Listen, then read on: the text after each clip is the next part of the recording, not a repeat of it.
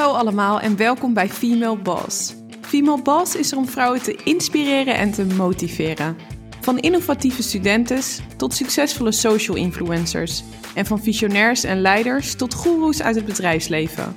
Sterke vrouwen die op hun manier het verschil maken, worden in deze show in de spotlight gezet.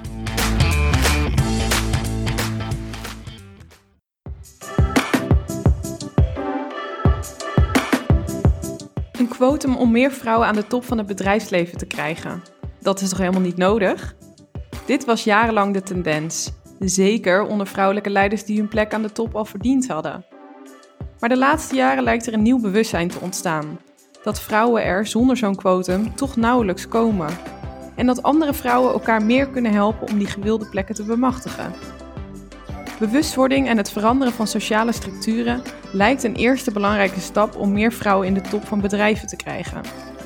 Dat is een van de conclusies uit de masterscriptie van Roos van Dalen, die afgelopen jaar 20 topvrouwen van onder meer Deloitte, Rabobank, de Volksbank en de NS interviewde over hun weg naar de top.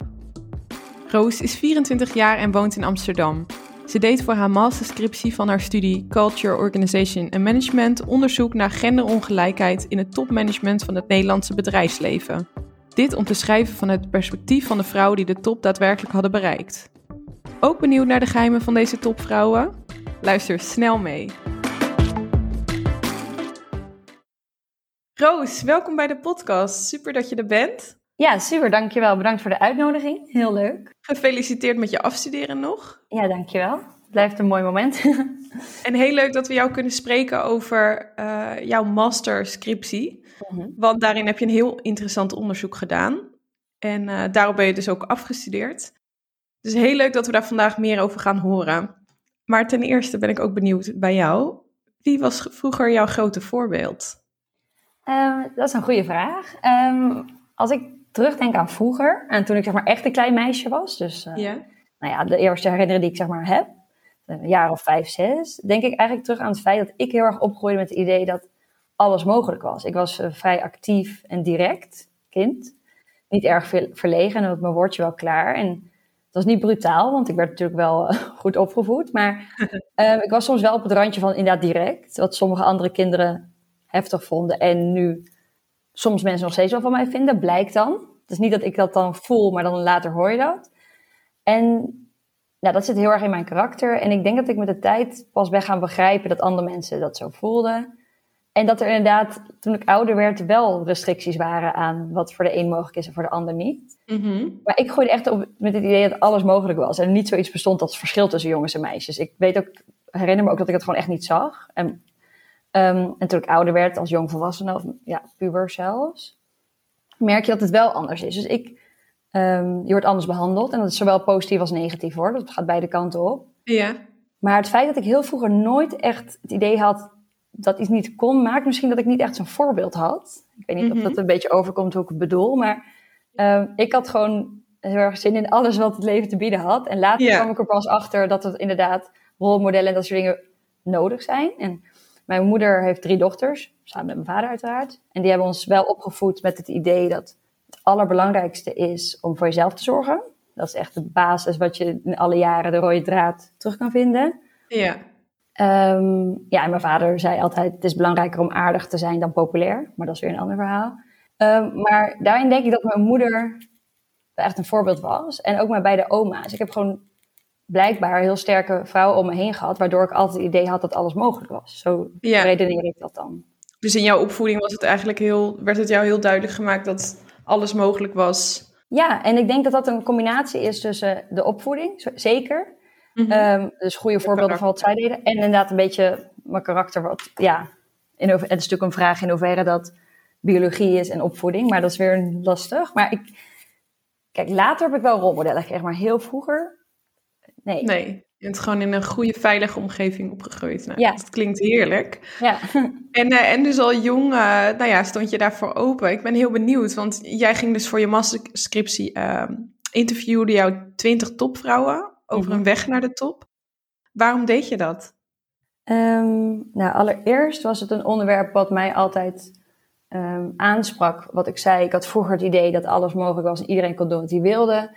En later merk je bijvoorbeeld inderdaad dat vrouwen dus bijvoorbeeld in zo'n top minder, ehm, er minder vrouwen zijn, dus blijkbaar minder kansen hebben. En dan was ik heel erg benieuwd, hoe kan dat dan? En toen is die interesse gekomen.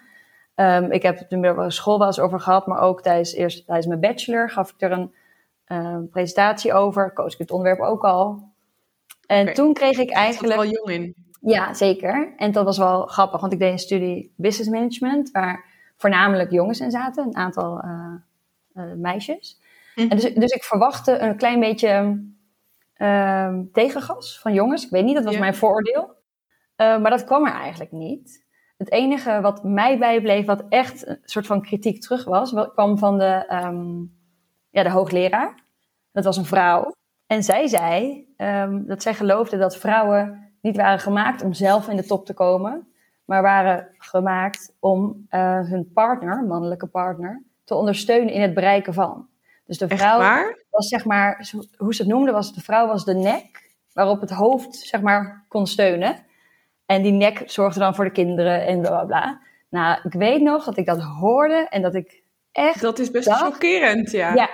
En dat is een moment dat eh, toen, nou ja, ik noem het ook altijd in mijn stuk, toen begon het vuur mij echt te laaien van wat is dit? Maar ze was zelf hoogleraar, dus op zich ook wel echt een goede functie, denk ik. Ja, weet je, ik heb er toen ook niet. Ehm, nee, niet op doorgevraagd. Het overviel je misschien. Ja, en misschien hè, als we er nu over zouden hebben, zouden ze het heel anders bedoelen. Laat ik zo zeggen, ik, ik, um, het is natuurlijk al een tijd geleden, maar dat was op dat moment voor mij echt. Nou ja, dat is me altijd ging het vuur in jou branden. Echt, ja. En nu, als we nu terugkijken naar mijn um, onderzoek, op dit moment, dus zeg maar vorig jaar, uh, dus ik had die interesse altijd al en ik praatte er al graag over. Ik sprak er graag over met uh, iedereen die dat ook wilde. iedereen die het ook mhm. maar wilde horen. Ja. Maar dit onderzoek vond ik het belangrijk om voorbij te gaan aan het cijfermatige karakter van het feit dat er te weinig vrouwen zijn in de top. Mm -hmm. Want cijfers geven duidelijkheid, maar ze zeggen zo weinig, behalve dat er dus een tekort is. Ja. Uh, want uh, dat is net als een beetje het topje van de ijsberg. Dat is zichtbaar, dat weten we. Maar wat ligt daar onder, uh, zeg maar, het grondslag daaraan. Dus wat ligt er mhm. onder water, minder zichtbaar, maar is wel onderdeel van. Uh, dus ik wil het aanvliegen vanuit de vrouwen die het wel hebben bereikt. Dus de positieve benadering, de succesverhalen. Ja. Um, hoe kijken zij uh, hier tegenaan? En dan echt diep, diepte-interviews. Dus wat meer de kwalitatieve data um, en hoe ze het beleven of zij wel zou beleefde dat er überhaupt genderongelijkheid was. Ik bedoel, mijn eerste vraag was echt niet wat vind je van genderongelijkheid. Mm -hmm. Mijn eerste vraag was: heb je überhaupt het idee dat er genderongelijkheid is? Waarom wel of niet? En het antwoord had ook kunnen zijn: nee, heb ik niet. Nee. Um, maar dat, zei, dat ja, 99% zei dat ze dat zeker wel. Uh, ze hadden het wel door dat zij een van de weinigen waren aan die top. Mm -hmm. Ja, ja, Zeker. dat kan ik me voorstellen. Nou, dat is goed om te weten. En jij begon ook, eigenlijk een belangrijk onderwerp wat je volgens mij ter sprake was, was het, uh, het quotum. Wat mm -hmm. natuurlijk veel ook in de media is en wordt gegeven als oplossing. Ja. En daarvan vertelde jij dat eigenlijk in de eerste instantie vrouwen vaak daarop tegen waren. Mm -hmm. Ja, klopt. Wat was de reden daarvoor? Um, dat ze um, gedachtegang een beetje was van, um, ik heb de top ook bereikt zonder quotum, dus dan is het toch mogelijk. Kijk, ik heb het ook gered, bla, bla, het was hard werken, maar het kan dus wel.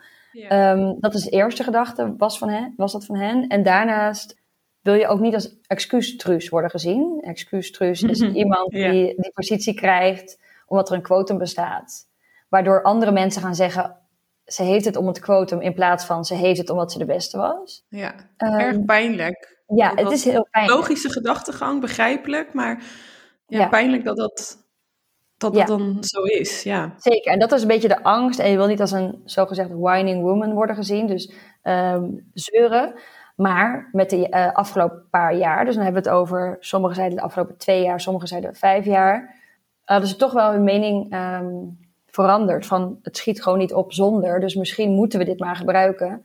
En misschien moet het dan maar even de, uh, de kant op slaan van ja, er wordt gezegd dat er, dat er een um, excuustruus is. Maar dan heb je wel die vrouwen aan de top. En dan is er wel verandering mogelijk. Ja. Uh, maar ze vinden het nog steeds een discutabel onderwerp. Dus het blijft echt heel controversieel. Oké. Okay. En dat is mijn eigen mening daarover ook hoor. Ik kan echt zowel de voordelen voelen als de nadelen. En wat zijn dan de, de nadelen, die gaf je net aan, gezien worden als excuustruus? En nou ja, dat je niet het gevoel hebben of dat anderen denken dat je niet op je kwaliteiten wordt beoordeeld. Ja. En wat zijn dan de voordelen dat er dan wel meer vrouwen binnenin komen, zodat het vanuit binnenuit veranderd kan worden? Ja, ik, ehm, wat uit het onderzoek ook blijkt, wat een aantal vrouwen zeiden, van op het moment dat je in een groep zit en je bent met uh, drie vrouwen op een groep van uh, totaal uh, tien mensen, dus zeven mannen, drie vrouwen, um, heb je al gauw meer draagvlak dan één vrouw en negen mannen. Dus je krijgt een beetje draagvlak voor elkaars ideeën. En natuurlijk zijn er verschillen tussen vrouwen onderling en mannen onderling. Alleen, um, het is een kwestie van meer het gevoel hebben dat je het kan uitdragen. En ook wel dat natuurlijk vrouwen een aantal gelijkenissen hebben die ze minder met mannen hebben. Dus wat gebeurt er? Er wordt iets meer, komt iets meer ruimte voor de vrouwen, zeg maar, in zo'n groep. En dat zal ook de, uh, ja, de sfeer, om het zo te zeggen, een beetje veranderen. Je ziet dat als je een hele groep mannen hebt en er komt een vrouw bij of twee vrouwen, dat het toch iets anders is. Dat misschien die, ja, het cliché voorbeeld van de apenrots iets wordt ingedampt. Dat het misschien niet meer nodig is om uh, het hardst op je borst te slaan, zeg maar. Ja. Kijk, we hebben het hier natuurlijk allemaal over, niet dat het overal in een bestuur gebeurt, maar dit zijn een beetje de algemene verwachtingen, ja. Ja, we hebben ook in eerdere interviews gehoord dat er dan iets meer haantjesgedrag... Uh... Ja. En um, nou, die vrouwen die kwamen er eigenlijk dus wel achter. Zij zaten wel in die toppositie, maar zagen daar dus minder vrouwen. Mm Waaruit bleek dat zij eigenlijk niet de norm waren. Um, ja, dat is, um, het komt dan uit een aantal onderzoeken wat ik heb gelezen. En ook uit gesprekken samen kwamen we tot dat mailmodel. Um, en dat houdt in dat vanuit de historie organisaties zijn opgericht door en voor mannen. Want dat ja. werkte vroeger gewoon vaker. En die gevolgen zijn nog zichtbaar. Ook al beginnen, zeg maar, komen vrouwen ook in die organisaties tegenwoordig en al een hele tijd. Uh, wat er belangrijk is om bij te benoemen voor mij, is dat ik uh, niet geloof dat de meeste mensen dit bewust in stand houden of bewust vrouwen willen laten afwijken van de status quo. Yeah. Maar dat het een resultaat is van diep gewortelde sociale patronen. En dat is nu, ja, nuanceverschil toch wel. Want niemand die nu leeft, heeft invloed gehad op de ongelijkheid die uit de historie stamt. Alleen we hebben er nog wel steeds mee te maken. Het is gewoon een soort van de nasleep nog van die historie. Dat ja, destijds zo was en dat nu nog de structuren zo zijn. Zeker. En er zijn natuurlijk altijd mannen die wel geen respect voor vrouwen hebben. En aan de andere kant heb je ook vrouwen die niks van mannen moeten hebben. Maar ik spreek zeg maar die middenmoot aan. Die hopelijk 70, 80 procent die wel redelijk is, om maar zo te zeggen. ja. Um, en ik vind gewoon dat mensen die nu leven verantwoordelijkheid moeten nemen om het te verbeteren. En die norm blijkt dus uit als vrouw. Bijvoorbeeld heel kleurrijke kleding dragen valt op. Dat is anders dan de grijze pakken. Het is niet normaal. Um, zwangerschap. Dat is natuurlijk de grootste mogelijke afwijking van een man. Want een man kan niet zwanger worden. Ja. Um, dus een veranderend lichaam, maar ook die verantwoordelijkheid. Um, als een man een kind krijgt, wordt er uh, vaak van uitgegaan dat dit wel wordt, op de achtergrond wordt geregeld door een partner. Dat is niet altijd het geval, maar dat is het voordeel wat we hebben. Ja. Werk blijft nummer één voor die man. Uh, en werkgevers hebben nou graag een, ja, hoe dat eh, zeg maar in de wetenschap heet, disembodied and universal worker. Dat is iemand okay. waarvan het leven in teken staat van het werk, zogenaamd, ja. zeg maar. Ja. Um, en vrouwen daarentegen krijgen te maken met de verwachting dat zodra zij kinderen krijgen, ze die uh, als prioriteit zien en niet per se meer werk op één hebben. En daardoor worden ze onbewust wel nou ja, regelmatig minder positief beschouwd als kinderloze vrouwen of dus als mannen. Want ze hebben dus andere prioriteit. En dat is een voorbeeld van sociaal patroon en voordelen die we hebben, die we niet zozeer allemaal leuk vinden om op elkaar te projecteren, maar je wel gewoon tegenkomt. Automatisch doet, ja. ja. En, en dat gebeurde dus zowel in, uh, in de organisatie, dat vrouwen dat merkten, dat collega's en eventuele bazen zo tegen hun aankeken. Mm -hmm. Was dat ook privé het geval? Dat ze niet de norm, dat ze voelden dat ze niet de norm waren? Uh, ja, dan heb je bijvoorbeeld een aantal, echt meerdere topvrouwen kwamen er op zichzelf op, op het onderwerp. Dat is wel heel grappig, want ik ging dan elke keer weer heel open het gesprek in, maar we kregen telkens weer hetzelfde onderwerp terug. En een daarvan was hoe uh, uh, moeders op het schoolplein uh, doen tegenover je, als je fulltime werkt en zij niet, bijvoorbeeld. Oh ja, dat hoor je vaker, ja. Ja, dus één vrouw vond het heel kwalijk, en dat vond ik ook wel echt zielig. Haar kind was toen een jaar of zes, als ik het goed onthoud zo. Mm -hmm. En die werd op het schoolplein aangesproken, dus het kind. Uh, met de volgende zin van, uh, jouw moeder is nooit overblijven moeder, hè? jouw moeder werkt alleen maar. Door um, een andere moeder? Een moeder naar het kind. Ja. Dus niet eens volwassene ja. naar volwassene, maar een kind wat nee. thuis komt. En die dan opeens het idee krijgt dat het niet normaal is hoe het thuis gaat. Terwijl Oh. het kind eigenlijk uit zichzelf misschien niet eens dat gevoel had. Nee. Maar ook onbegrip van mensen die gewoon niet die ambitie delen. En kijk, eh, mensen hebben natuurlijk vaak commentaar op mensen die andere keuzes maken dan zijzelf. En dat doen we Ja. allemaal wel eens. Niet alleen de schoolpleinmoeders, zo gezegd. Andersom zouden topvrouwen dat misschien ook doen over schoolpleinmoeders. Ja. Maar door af te geven op andermans keuzes, proberen mensen in mijn optiek hun eigen keuze te valideren. Terwijl als A de keuzes van B naar beneden haalt, dan voelt A de hoop van, dan, dan voel ik me beter over mijn keuze. Want die keuze van B is slecht. Ja. Uh, maar ik geloof wel dat als je diep van binnen, dan mijn eigen ondervinding, als je diep van binnen blij bent met wat je doet, dan laat je die ander in zijn waarde. Dan maakt het niet uit wat die ander doet. Nee. Um, maar als je twijfelt over jouw pad en wat je misschien zelf ook wel zou willen, dan ga je met modder gooien om jezelf beter te laten voelen. Ja. Maar dat gebeurde wel vaak, ja, in de sociale omgeving of uh, gewoon als slechte moeder gezien worden. Ja, en dat deed die topvrouw dus wel wat. Zeker, ja. Um, het is één topvrouw, daar had ik een heel mooi gesprek mee ook. En die zei van, um, zij zei diep van binnen, als iemand tegen mij zegt dat ik een slechte moeder ben, um, voel ik dat ze gelijk heeft. En daarom raakt het me, want heel, heel diep in mij ben ik ook opgegroeid met het idee dat een vrouw thuis hoort te zijn bij de kinderen. Ja. Want dat is wat de maatschappij je vertelt. En, maar er is uh, geen wetenschappelijk bewijs dat vrouwen beter zorgen voor kinderen dan mannen. Dat, bestaat, dat bewijs bestaat niet. Alleen het is wat in de maatschappij als normaal wordt gezien. Dus als iemand inderdaad zegt, je bent een slechte moeder. Kijk, tuurlijk kunnen ze het soms langs zich heen laten glijden. Het raakt ze niet altijd. Maar als je net een onzeker moment hebt, of je kind heeft bijvoorbeeld tuurlijk. een slechte dag, ja. dan raakt het je wel. Dat je denkt, is het zo? Zeg maar, ben ik egoïstisch? Ja, en ik kan me voorstellen als je aan dat dogma zelf probeert te ontworstelen, waar je je hele leven ook, nou ja, dat beeld een beetje hebt gekregen. En je komt daar eindelijk een beetje los van. En er is weer iemand die je die daarop aanspreekt, dat dat toch weer een soort ja, slap in the face is. Van, Ja, exact. Het is weer een stap terug van, oh, is het, is het zo? Ben ik een slechte moeder? En natuurlijk, je raakt iemand, en dat geloof ik bij mannen ook, en vrouwen allebei, op hun kinderen. Dat, Ja. is, zeg maar, dat, eh, dat is het kwetsbaarste, denk ik. Ik heb het zelf Ja.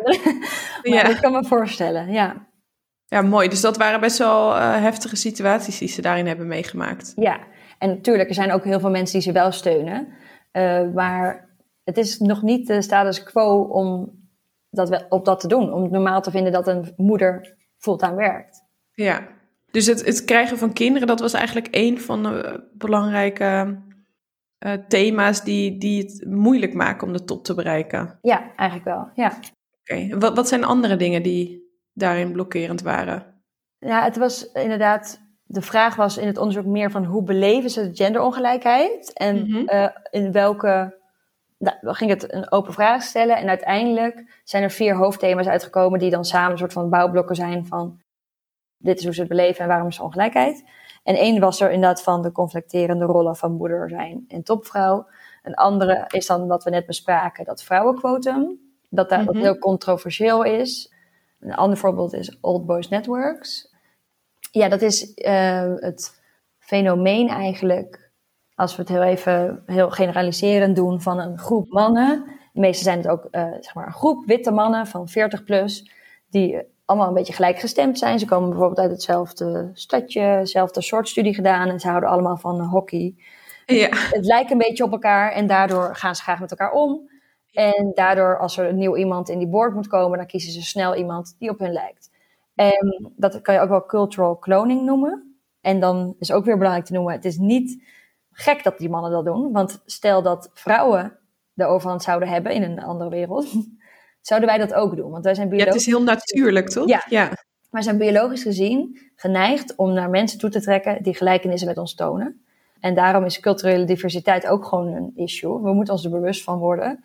Um, en eens inderdaad, nou ja, zaakjes durven omgaan met andere mensen. Want vanuit biologie is het soort van, je bent constant aan het kijken wat, wat zeg maar, klinkt heel raar, maar wat veilig is en wat je kent. En alles wat je niet kent is anders. En dat, daar trek je minder snel naartoe. Ja. Um, en dat is Old Boys Networks. Dat, en omdat mannen nou eenmaal de meerderheid zijn in de top, Ja. um, blijven die elkaar benoemen tot prestigieuze netwerk. Blijft Um, dat in stand? ja, en dat zijn ook weer gelijk die netwerken waar belangrijke functies in worden toebedeeld. En daar zijn dan minder vrouwen in.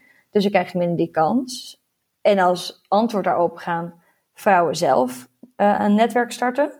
Want dan denken ze van, nou, dan gaan wij samen, want we moeten elkaar steunen. Ja. En, en dan wordt zo'n vrouwennetwerk als een theekrantje gezien. Van, oh, dat Oh, ja. vrouwennetwerk. Zo, dan denken ze Oh, gelijk wauw. aan eenhoorns en roze glitter. Ja.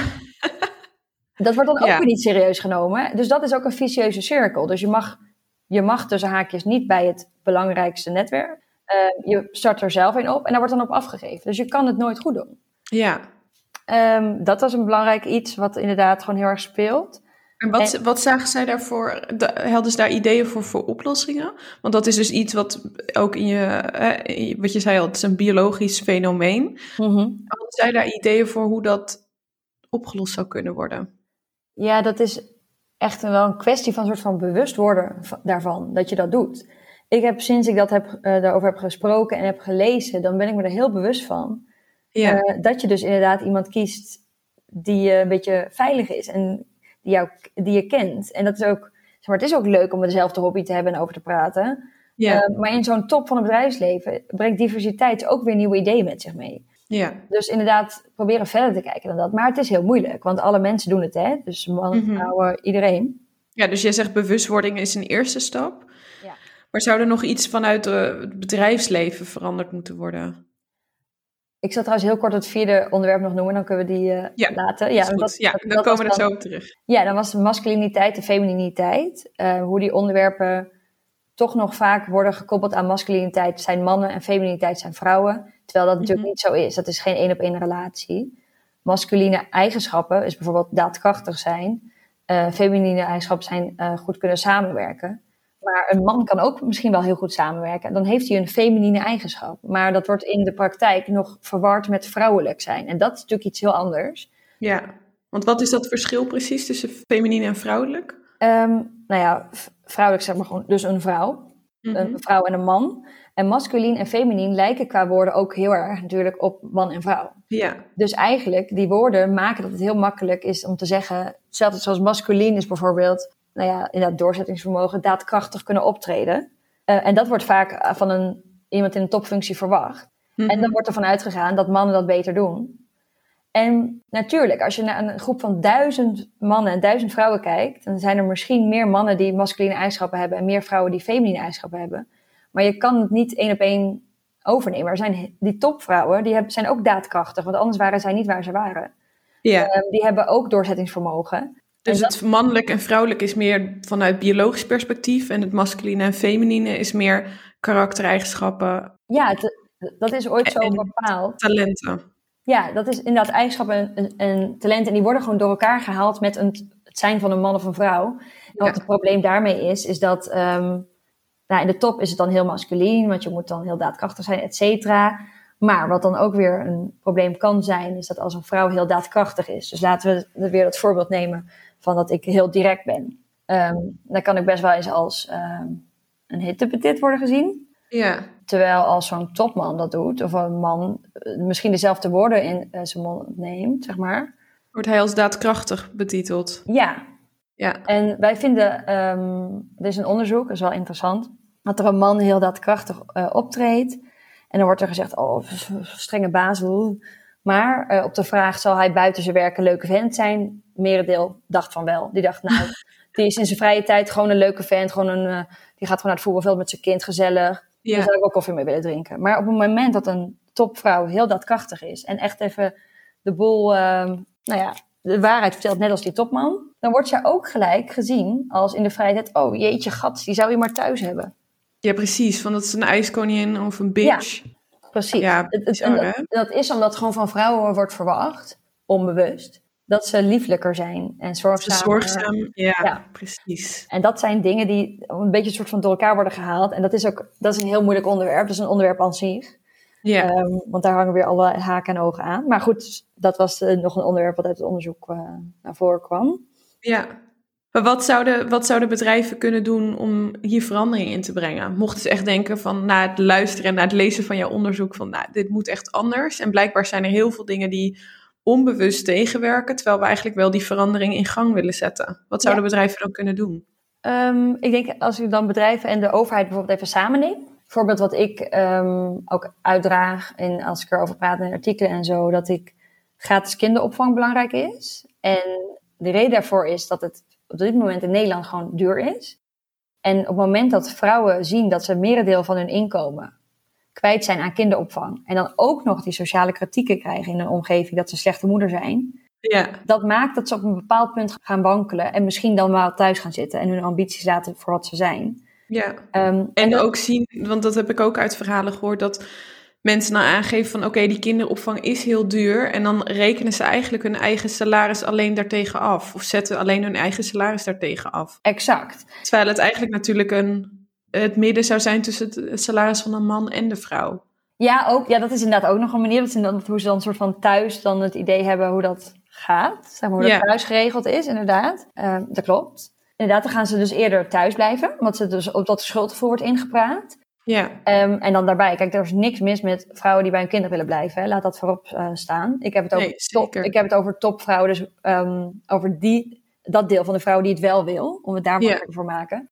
En daarvoor ehm, is het gewoon, vind ik belangrijk dat als je werkt, dat het gewoon beter betaalbaar wordt of gratis is. Want eh, kijk, als topvrouw kan je kinderopvang echt wel betalen. ja, Maar voor, voordat jij topvrouw bent, heb je een lange weg te gaan. En daar, Ja. dat is het, meestal het moment waarop jij kinderen krijgt. Dus eigenlijk al die jaren ervoor. Dus voor alle vrouwen zou het eigenlijk gewoon gratis moeten zijn, zodat zij de ruimte krijgen als ze zouden willen dat ze dan zouden kunnen werken. Ja, en ook voor mannen hoor, voor beide. Zeg maar dus gewoon algemeen. Ook voor, voor Ja. vaders vind ik ook. Gewoon in het algemeen zou het eh, betaald moeten worden. Je moet zeg maar beloond worden, omdat jij de maatschappij iets teruggeeft. En dat geef je door eh, bij te dragen aan je werk. En met, kijk, met werken draag je bij aan hoe goed een land het doet, zeg maar, om maar zo te zeggen. Ja. En daarvoor zou je eerder beloond moeten worden dan gestraft, de zaakjes. Ja, er was recent wel een onderzoek, dat vond ik ook heel verrassend.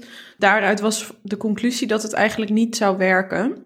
Maar ik vraag me af hoe dat precies is geïnterpreteerd en of je dan bijv- bijvoorbeeld zou moeten afspreken. Want het ging er dan om dat mensen daar dan eerder misbruik van zouden kunnen maken. Ja. En dat er dan Mhm. nonchalanter met eh, de kinderopvang zou worden omgegaan. Ja, ik heb dat ook gelezen. Het ging inderdaad over van als er kinderopvang gratis zou worden, gaan er dan meer vrouwen werken? Ja, En het antwoord was nee, de Nederlandse vrouw gaat dan niet eerder werken of juist minder. ja, Maar wat mijn kanttekening zeg maar dan is, is ja heel ik, goed. Ik, ehm, ik spreek de groep topvrouwen aan, dus die wel wil werken.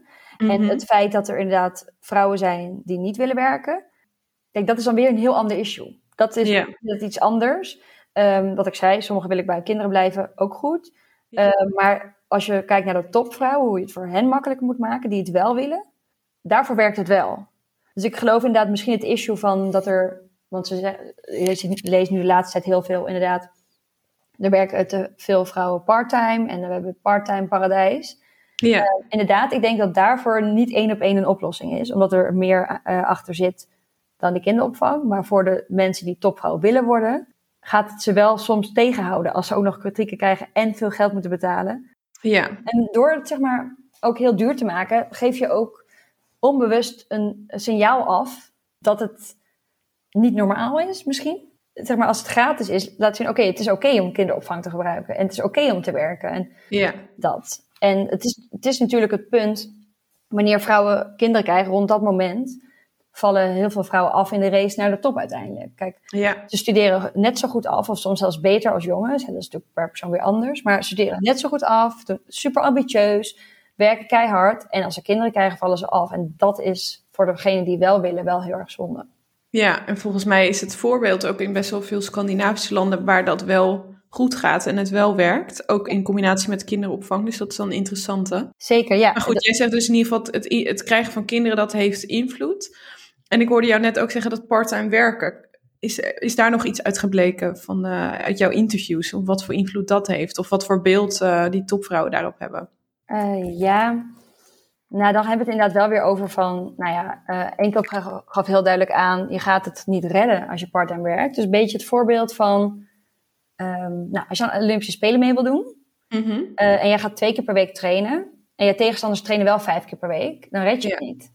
Nee. En zo geldt ook in bepaalde mate voor de top. En ik zeg niet dat je 80 uur per week moet werken, helemaal niet. Maar Mhm. eh, mensen die fulltime werken, ehm, hebben meer ervaring dan iemand die parttime werkt. En ervaring brengt je uiteindelijk verder. En als je die ervaring mist, wordt de kans kleiner dat jij die ene promotie krijgt. Dus parttime werken is tot nu toe niet een manier om aan de top te komen. Oké. Dus zelfs niet voor minder, voor één dag minder Nou, vier dagen in de week, dat, nee, dat vind ik nog wel een soort van vier, vijf dagen vind ik een beetje onder hetzelfde vallen. Uh, dat geloof ik op zich wel. Maar dan heb ik het over uh, bijvoorbeeld twee dagen werk. Ja, ja En precies. nogmaals, net zo prima. Alleen um, als je twee dagen in de week werkt, moet je niet verwachten dat je in die uh, boardroom komt. Nee, precies. En een hele mooie, duidelijke metafoor ook met die Olympische Spelen. Want dat is denk ik, iedereen begrijpt dat ook, dat, ja, het, zo, dan, dan, dat het zo werkt. Dan valt die meer inderdaad. Ja. Dus, en ik heb inderdaad qua andere oplossing, maar die hadden we dan net wel even besproken. Ja, dat gesprek aangaan. Dus proberen in andermans schoenen te staan. Met dit onderwerp houden ook conversatie en breng die diep geworden sociale en veelal onbewuste patronen aan het licht. Net als ik ben een wit persoon. Mhm. En als ik ochtends opsta, weet ik ook niet meteen hoe het voelt om een andere huidskleur te hebben. Ik moet Ja. mezelf daartoe zeg maar aanzetten. Eh, dus des te meer reden om actief over na te denken en wel te proberen te voelen hoe zal het nou zijn Ja. om een andere huidskleur te hebben. En ik geloof dat dit onderwerp hetzelfde is. Ehm, Precies. mannen moeten zich er bewust van worden. Maar niet alleen mannen, ook ik. Want ik moet me weer bewust worden als wit persoon hoe het is om andere kleur te Zeg maar, iedereen heeft zijn verantwoordelijkheid. Precies. En ik geloof dat het merendeel van de mannen echt voor gelijkwaardigheid is. Voor zijn moeder, voor zijn zus, voor zijn vriendin. Ja. Eh, maar ze voelen niet vanuit zichzelf, gewoon omdat zij man zijn, hoe het is om een vrouw te zijn in een organisatie. En daarvoor heb je die momenten nodig om met elkaar te praten, gedachten uit te wisselen en ook andersom hoor. Kijk, tuurlijk, vrouwen kunnen ook wel eens bedenken hoe zou het zijn om man te zijn. Alleen omdat op dit moment de man de meerderheid is in de top van het bedrijfsleven, en dan moet ik een beetje voorzichtig zijn, maar lijkt het gemakkelijker om een man te zijn in de top dan een vrouw. Ja, heb je misschien advies voor vrouwen die denken, ja, ik wil dat gesprek wel aangaan, maar ik ben bang om als zeurende vrouw, als whining woman te worden gezien? Hoe kun je dat op een soort van lichte, maar toch ook serieuze manier brengen? Ja, dat is heel lastig. Want ik heb dat ook, ehm, als ik over dit onderwerp praat, eh, is er ergens, zeg maar, in mij nog wel een soort van de angst. Dat iemand dan denkt van, oh, heb je haar weer met dat onderwerp. Ja, precies. Ik denk dat het voor veel luisteraars herkenbaar is. Ja, ik voel dat zelf ook wel. En eh, op het moment dat dan bijvoorbeeld mijn eerste keer mijn artikel werd geplaatst, nou, dan voel ik helemaal die spanning. Dat ik denk, wat zal die en die wel niet denken? En straks vinden ze van dat ik weer, weer over dat feminisme praat. Ja. Dan, feminisme wordt dan als scheldwoord gebruikt. Terwijl Ja. ik zeg, iedere, iedereen die voor gelijkwaardigheid is, gelijkheid is, is feminist. Exact. Mijn vader wil ook dat ik gelijk word behandeld. Met, dan, dan met een of an- andere jongen. Ja. Mijn vader is eigenlijk ook al feminist. Alleen er komt zo'n lading op. En ik herken het zelf ook hoor. Want ik praat er nu veel over en dan probeer ik me overheen te zetten. Maar het is moeilijk. Ja, Eh, omdat je gewoon inderdaad niet eh, als een zeur wil overkomen. Maar ik denk, hmm, advies daarin van verwoord gewoon dat gevoel. Verwoord van, ik vind het heel eng om het te zeggen. Want ik weet dat het misschien kan overkomen eh, met vooroordelen hebben te maken, et cetera. Maar ik zou het er wel graag over willen hebben. En probeer dan aanknopingspunten te pakken. Dus een artikel wat je las, waar je denkt, oké, hier wordt het duidelijk in. Of eh, een voorbeeld waarin je je, eh, zeg maar, anders behandeld voelde. En je het Ja. idee hebt dat ze misschien eh, niet bewust dat hebben gedaan. Want dat is natuurlijk zo. Er zijn mensen die bewust elkaar pijn doen. Ja. Maar heel veel dingen gebeuren onbewust. En dat is heel moeilijk om aan te kaarten. Want dan hebben mensen soms misschien het gevoel dat je zeurt. ja, Toch geloof ik ook, en daar haal ik dan mijn motivatie uit, ja. dat merendeel van de mannen en vrouwen wil ook dat het goed komt. En dit zijn re- redelijke mensen die het wel begrijpen als je erover praat. Dus een beetje. Ja, dus je bedoelt ook eigenlijk dat gesprek dan positief benaderen met het idee dat die persoon die de juiste intenties heeft. En dat ook duidelijk laten maken aan de... Ja, Ja, ik en denk weet- ook dat je op die manier verder komt door daarin samen te gaan werken. Ja, en dat is ook het belangrijkste punt dat met mijn onderzoek kwam. Ik wil niet ehm, afgeven op wie wat fout doet. Ik wil alleen maar, hoe kunnen we verder samen? En zeg maar mannen en vrouwen samen. Ik wil ook niet alleen maar met vrouwen samenwerken straks. Tuurlijk niet. Nee, Dat allebei. En het is, tuurlijk is het eng. En je gaat ook wel eens een keer iemand tegenkomen die wel heel, nou ja, wat ik dan achterlijk vind, reageer. Dat heb ik ook wel gehad op mijn onderwerp. Dat ik dan, nou ja, opmerkingen krijg dat ik denk, jeetje. Maar ja, dan is dat iemand in het leven dat je gewoon moet denken. En dat is ook heel goed advies van mijn vader. ja, Mijn vader zegt, als onredelijke mensen, in jouw opzicht, onredelijke mensen iets tegen jou zeggen, Mhm. probeer niet te analyseren waarom ze het zeggen. Probeer niet te begrijpen wat ze bedoelen. Maar trek voor jezelf de lijn en zeg: Dit is mijn grens. En ik ga niet eens hierin mee. Eh, ja, heel goed. Dus echt buiten jezelf houden. Ja. Niet persoonlijk eh, nemen. Op, op het moment dat iemand echt te ver gaat, probeer niet je af te vragen wat jij hebt gedaan om dat op je af te roepen. Want soms zijn mensen nou eenmaal onredelijk. Ja, het is iemands eigen proces soms ook natuurlijk. Ja, ja. ook. Ja, heel mooi. Ehm, dus dat zijn eigenlijk dingen die, uh, hè, advies die je luisteraar zou geven van ga dat gesprek aan. En probeer uit te gaan van de goede intenties en eigenlijk samen te werken aan het doorbreken van die patronen in de organisatie die zo vastgeroest uh, zitten. Volgens mij uh, stond er ook een stukje in jouw uh, onderzoek over het welbekende krabbenmand-effect, waarbij vrouwen elkaar naar beneden proberen te trekken om zelf de top te kunnen bereiken. Maar um, ja, dat is natuurlijk dat vrouwen elkaar niet als bedreiging moeten zien, want dat helpt niet om juist meer vrouwen in de top te krijgen. Nee. Hoe kunnen vrouwen elkaar wel helpen? Ja, de, de oorsprong van um, dat het gebeurt, naar beneden trekken, is natuurlijk het idee dat er maar een aantal plekjes zijn voor vrouwen in de top. Um, dus dat er niet plekjes voor iedereen. Ja. En wat misschien ook inderdaad nu nog wel zo soort van zo is. Uh, maar het is ook een beetje ja, wat vrouwen een beetje in zich hebben. Um, en het kwam bij een heleboel topvrouwen naar voren. En ik herken het in sommige situaties in mijn uh, privéleven ook wel. En dat andere vrouwen over elkaar roddelen, op elkaar afgeven. Ja. Um, en dan misschien, ik weet niet precies hoe dat, waar dat vanuit zeg maar, de kern vandaan komt. Maar dat, het lijkt mij logisch dat dat vandaan komt. Op het moment dat je haar naar beneden haalt, ben je inderdaad zelf leuker. En misschien is dat ook wel zo heel ver doorgaan. Een soort van, dat vrouwen moesten natuurlijk vroeger iemand vinden om uh, een gezin mee te hebben, om er zo te ja, zeggen. dat dit ook zijn biologische oorsprong wellicht ja. heeft. En je moet wel de aantrekkelijke zijn voor die man, want jij moet dat uh, jou wil. Zeg maar, ik weet niet, ik moet het een beetje lachend, want ik weet niet of dat de reden is dat we nu roddelen, maar ik kan me wel voorstellen dat het, vandaan, dat het er vandaan komt. Maar, ja, dat het er iets mee te maken heeft. Ja, maar ik heb wel twee mooie quotes daarover. Uh, het boek heet Women Don't Owe You Pretty. Oké, heel mooi. Dus boekeninspiratie, toch? Ja, ja, zeker. Women Don't Owe You Pretty. Ja, en dat is een boek. En ik vond het echt een eye-opener om te lezen. En ik ben het zeker niet met alles eens wat erin staat. Maar het hoeft ook niet, hè. Je kan iets lezen, leuk, interessant vinden. En toch soms denken, moi. Maar twee quotes die erin stonden, die wil ik wel um, even delen. Dat was... Um, refuse to find comfort in other women's flaws. Dus inderdaad, ga je, ga je niet beter voelen als je denkt, haha, zij ziet er niet uit. Ja, om jezelf daardoor beter te laten voelen. Precies. En ja. uh, de andere is, um, there is enough room for all women to be whole without tearing each other down. Heel mooi. Ja, kom op, uh, we mogen er allemaal wezen. En al is het een super slimme vrouw hiernaast, of een mega knappe vrouw, ja, uh, dat ik ga zeggen dat ze dat niet is, gaat echt niet ervoor zorgen dat mensen dat niet meer vinden. Ja. Dus kom op, zeg maar. Dus okay. echt lift each other up, probeer ja. samen beter te worden. En dus juist niet dat krabbenmand effect.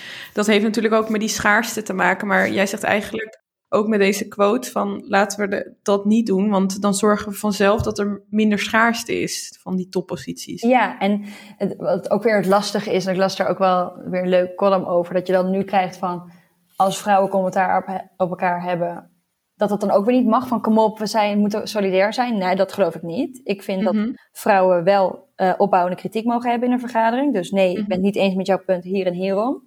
Maar dan moet het inderdaad gaan om het inhoudelijke punt. En niet om ja. dat ze een vrouw is. Ja. We moeten elkaar nog steeds um, opmerkingen kunnen geven. Maar geen ongegronde over iemands uiterlijk of over iemand dat soort keuzes. Dat, dat ja. doe ik er niet toe. Nee, dat zei in, in een eerder interview Nicole Edelenbos ook wel. Die is zelf ook topvrouw. Ook ze zei, vrouwen zijn zelf al hun eigen grootste criticus. Dus dat, ja. dat helpt niet als er dan nog vrouwen op inderdaad die andere punten, buiten de inhoudelijke punten, daarop uh, kritiek gaan geven. Want dat hebben ze op zichzelf al. Ja, dat geloof dus ik. Dus helpt elkaar eigenlijk verder groeien juist. Ja, zeg maar een beetje zo'n, las een keer zo'n plaatje. Dan heb ik het gelezen toen ik 14 was, maar ik vond het nog wel altijd een leuke piekeren, wat natuurlijk vrouwen best wel veel kunnen doen. Uh, mannen ook, maar vrouwen denk ik nog iets vaker. Piekeren is de verkeerde kant op fantaseren. Oh, heel mooi. Ja. Heel mooi. En die is dus goed blijven hangen. Ja. Sinds je veertiende. Ja. ja, wat goed. Ja. hey, en ja, super mooie uitkomsten eigenlijk uit je onderzoek, denk ik. En hele uh, mooie lessen. Wat is een anekdote, of wat zijn anekdotes die, die jou echt zijn bijgebleven uit de interviews? positief dan wel negatief, maar dingen die topvrouwen hebben ervaren in hun uh, weg naar de top? Um, ja, nou ja, ook wel inderdaad wat er gebeurt. Um, bijvoorbeeld ook heel mooi wat voor kracht het heeft als, als er dus een man is, een, een CEO, die zich uh, hard maakt voor dit onderwerp. Dus die uh, openlijk uitspreekt van ik wil meer vrouwen in mijn team en we gaan moeten vrouwen beter behandelen, want dit en dit gebeurt wel eens. En wat de kracht is als een man dat ook zegt. Ja, hoe inspirerend en motiverend dat is. Ja, en, dat, en dan heb je natuurlijk ook weer een beetje dat misschien andere mannen zich weer iets eerder kunnen identificeren met hem. En dan denken, wow, die man kan gewoon, zeg maar, zijn mannelijkheid wordt helemaal niet aangetast. Nee. Door het feit dat hij het zegt. Ja, maar hij helpt wel. Dat is ook wel een hele mooie. En dan heb je inderdaad rolmodellen en mensen die durven aan, uh, uit te spreken. Ja, dat, dat Ja. is een hele belangrijke. Dus los van dat dat vrouwen inderdaad heel erg motiveert, dat dat ook mannen in de organisatie inspireert en een soort rolmodel kan vormen. Door inderdaad dat het niets afdoet aan zijn mannelijkheid. Nee, het is zeg maar niet, niet stoer als je dat wil. En Ja. zie je inderdaad van, oké, cool. Je kan nog steeds een CEO zijn. En voor, eh, zeg maar, jezelf eh, als een soort van feminist noemen. Ja, Zo'n voorbeeld als in Peter Pannenkoek is nu een cabaretier. Ja. Maar die noemt zichzelf ook feminist. En ik vind het echt altijd mooi hoe hij daarover praat. Als in, het staat los van dat hij man is. Maar het geeft wel een soort van kracht, straalt hij daarmee uit. ja.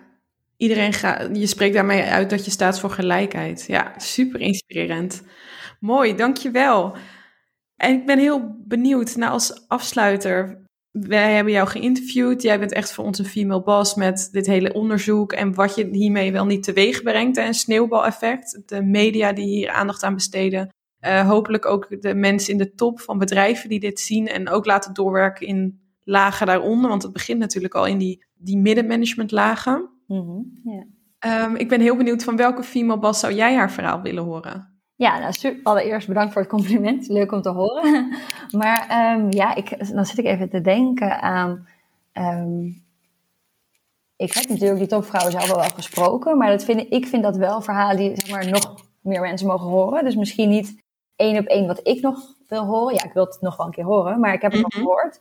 Maar ehm, het zijn zoveel interessante gesprekken. Dus ik heb daar zoveel vrouwen gesproken waarvan ik denk, ja, eh, die hebben zoveel te vertellen. En een voorbeeld, Anoushka Imanbaks. Zij is, ehm, nou ja, en topvrouw. Heeft ook kinderen, maar ze is ook ehm, Surinaams. En dat is ook wel weer leuk, want dat is eh, verhalen die wij hadden, gingen dan inderdaad over en het vrouw zijn, maar ook de culturele diversiteit. Ja, En dat, dat vind ik ook wel een hele mooie. En het is een hele fijne gesprekspartner die ehm, heel veel te vertellen heeft, heel, zeg maar. ja, heel veel ervaring Ja. heeft en naast het ze super intelligent is, zich ook kan inleven in de ander. Dus nee, dat zou ik een hele mooie vinden. Heel boeiend. Ja, en dus inderdaad wat je zegt, ook op het gebied van culturele diversiteit, er is nog natuurlijk nog een wereld te winnen. Dus Ja, super inspirerende invalshoek inderdaad. En waar werkt zij? Ehm, zij executive director van Venture Café in Rotterdam. Ja. En zij is founder van Made at Home. En nu is ze ook volgens mij weer nieuwe ehm, initiatieven begonnen. Dus zij is echt eh, mega eh, bezig erbij, om het zo te zeggen. Maar eh Ja. op dit moment inderdaad de executive director Venture Café Rotterdam. Wauw, dus een major track record. Te gek. Nou, dankjewel voor deze mooie, mooie tip. En al je, ja, al je adviezen en alle interessante dingen die je hebt eigenlijk ontdekt in je onderzoek. Ik hoop dat dit nog heel veel aandacht gaat krijgen. En nou ja, wellicht dat jij ook binnen organisaties eh, of, een, of van buitenaf een adviserende rol wel ooit kunt gaan spelen op dit gebied. Ja, super interessant. Ik heb ook ehm, wel een paar dingetjes lopen waarin inderdaad ik ben gevraagd om mijn kijk erop te geven. Dus dat is echt een mega eer. Waanzinnig. Naast dat ik natuurlijk nu, ik heb eh, sinds kort een nieuwe baan me daar helemaal op stort, eh, zie ik dit als een soort van, naast mijn werk nog een, nou ja, hobby klinkt een beetje, Ja, al- misschien irriterend, maar ja, een passie die ik daarnaast inderdaad nog heb. Dus dat, ik heb inderdaad eh, ook nog twee dingetjes lopen waarin ik een, eh, een bedrijfspresentatie geef en ook een adviesrol geef. Dus dat is natuurlijk het beste ooit. Ik bedoel, ik praat, ik praat hier graag over en nu willen mensen nog luisteren ook. Ja, te gek. Nou, het is je echt gegund en eh, ik ben heel benieuwd. We gaan je volgen. We houden je in de gaten. En heel veel succes in de toekomst. Ja, super, dankjewel. Bedankt voor de uitnodiging. Het was heel, heel leuk. Je genoten van deze podcast? Ik zou het te gek vinden als je een review achter zou willen laten. En je je via Apple Podcast abonneert op deze show. Op die manier kunnen we samen meer vrouwen inspireren, motiveren en waarderen. Alvast bedankt en tot snel!